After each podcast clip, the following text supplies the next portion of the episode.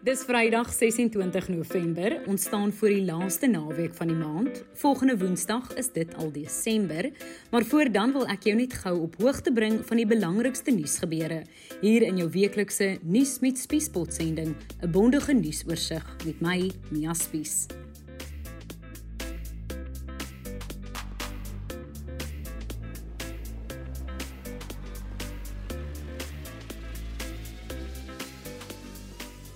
In 'n neutedop is 'n nuwe variant van COVID-19 in Suid-Afrika waargeneem. Die kabinet waarsku oor kinderontvoerings gedurende die vakansie. ANC verloor beheer oor groot metro's. Die president sê die ANC-regering gaan koalisieregerings steun. Planne om Eskom op te deel vorder. Die polisie gereed vir moontlike onluste in KwaZulu-Natal die naweek. Rassie laat vaar appel teen wêreld rugby. Noord-Korea gee doodstraf oor Squid Game en weerdiens waarsku teen skadelike wind in die Noord- en Wes-Kaap. Net voor ons begin, onthou jy kan elke week hierdie podcast in jou WhatsApp inbox kry. Druk net op die skakel in die plasing hierbo. Hoofnuus die week is dat die Nasionale Instituut vir Oordraagbare Siektes aangekondig het dat 'n nuwe variant van COVID-19 in Suid-Afrika geïdentifiseer is. Die direkteur van die CRISP Genomika Waarnemingslaboratorium, Prof Tulio de Oliveira, verduidelik wat ons al van hierdie variant weet. This lineage, which is, is, is, will become a variant with a Greek name probably tomorrow, has very high number of mutations with a concern of immune evasion and transmissibility. Yeah. So the V.1.1529, the current name, was produced in samples collected very recently from 12 to 20 of November from Gauteng in South Africa. We just completed close to 100 genomes, and by uh, by tomorrow it's going to be many more. But also have been detected the day before in Botswana and also in Hong Kong from travelers from South Africa. Dit word reeds beskryf as 'n supervariant omdat dit minstens 32 mutasies bevat en is al in die meeste provinsies bevestig. We can make some predictions about the impact of mutations, and we, we are making many here from our knowledge and our scientific knowledge during the, this pandemic. But the full significance is, remain uncertain, and the vaccines remain the critical tool to protect us against severe disease. As gevolg van die nuwe variant is Suid-Afrika en vyf ander Afrika lande nou weer terug op Brittanje se reisrooi lys van vandag af. Dit beteken dat vlugte van hier af tydelik opgeskort is en dat Britte wat van hier af reis eers in kwarantyne moet bly wanneer hulle terugkeer. Volgens die jongste syfers is daar bykans 2500 nuwe infeksies in die jongste oorsigperiode aangemeld, bykans 2000 daarvan in Gauteng. Intussen is die verlenging van die nasionale ramptoestand tot 15 Desember goedgekeur. Die minister en die presidentsie Mondli Gungubele het tydens terugvoering oor die kabinetsvergadering gesê daar kan nog nie bespiegel word oor strenger inperkingsmaatreëls nie. We wish there must never be a possibility of locking down this country again. You, we're still dealing with the damage of 2020 and a damage of a lockdown without which the worst could have happened.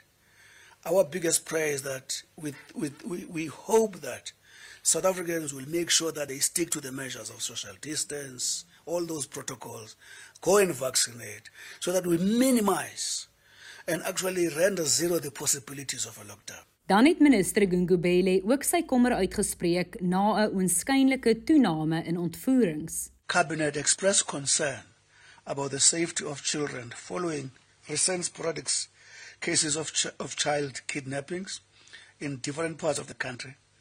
During the upcoming festive season, parents and caregivers must be extra vigilant regarding the safety and whereabouts of children in their care. Dan na verkiesingsnuus, DA burgemeesters is na die week aan stuur van sake in Gauteng se drie groot metro's, dis Johannesburg, Tshwane en Ekurhuleni.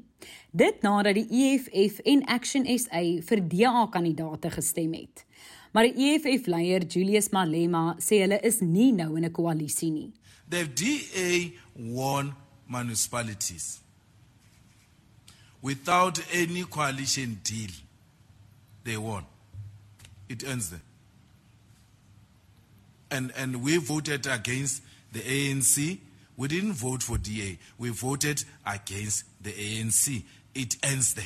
Die nuutverkose en eerste vroue burgemeester van Johannesburg, Dr. Mpo Palatse, sê sy en haar party het groot planne vir die metro. Right now I'd really like to build this council. I think electioneering is over now. Um, we need to really unite all the 270 councillors in this council behind the vision of giving the residents of Johannesburg a better city to live in.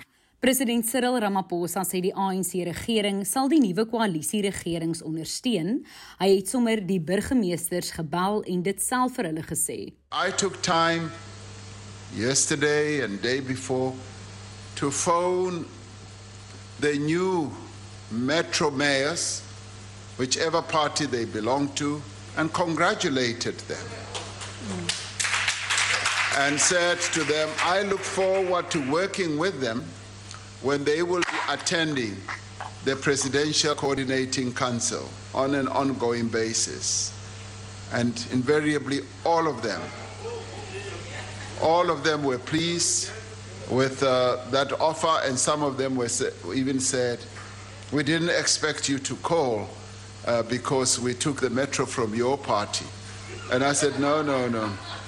I'm phoning as the President of the Republic of South Africa. Die politieke ontleder Melanie Verwoerd sê dit is makliker gesê as gedaan.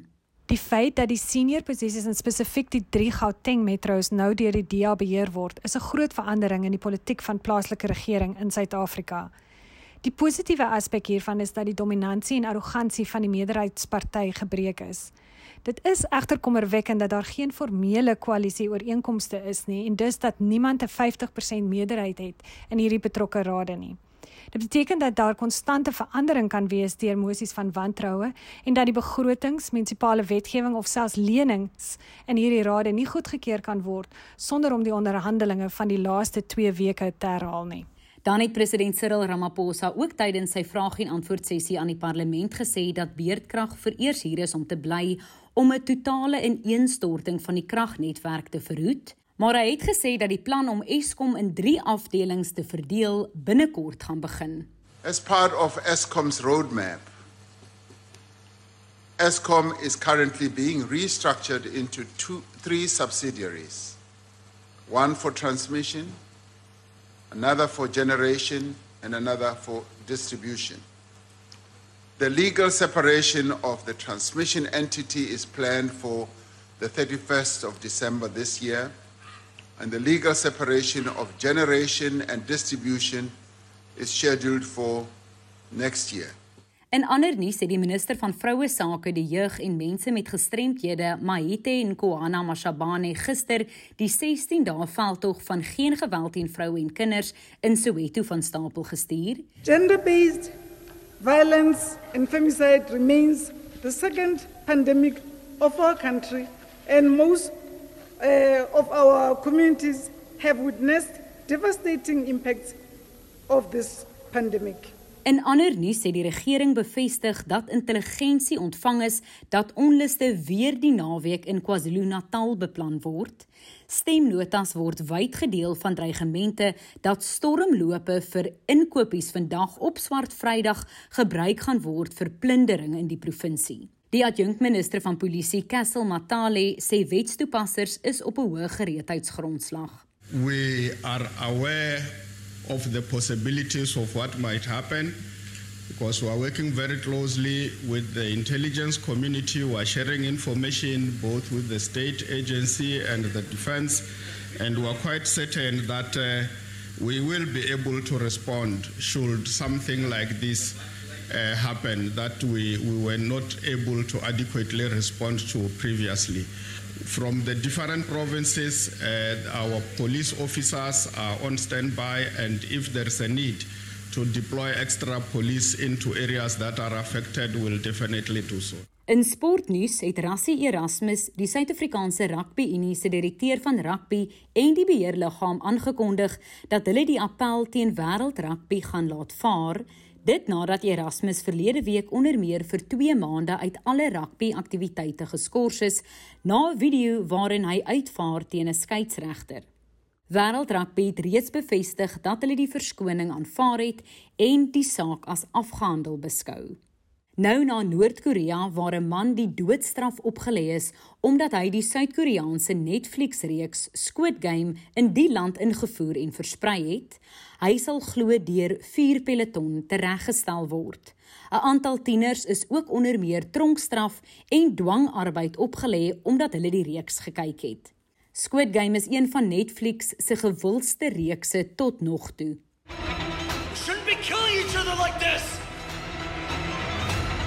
Player who refuses to play will be eliminated. Dan laastens wil ek net Wes- en Noord-Kaapenaars waarsku, die wind gaan woes waai glo die hele naweek tot 70 km/h. Die weerkantoor waarsku teen skadelike wind in dele van die Noord-Kaap, onder meer die Namakwa distrik en in die Wes-Kaap van Beaufort Wes tot Plettenberg Baai. Nou dat jy op hoogte van sake is, is jy reg vir naweek hou. Nuus met Spies is 'n produksie in samewerking met die Potgooi Produksiehuis Volume. Ons vervaardigers is Roland Perolt, Andy Siwe May, Karen Blau en Amina Dekka Asma. En Curtis Kal het soos altyd ons kenwysie gekomponeer. Ek en jy gesels dan weer in Desember.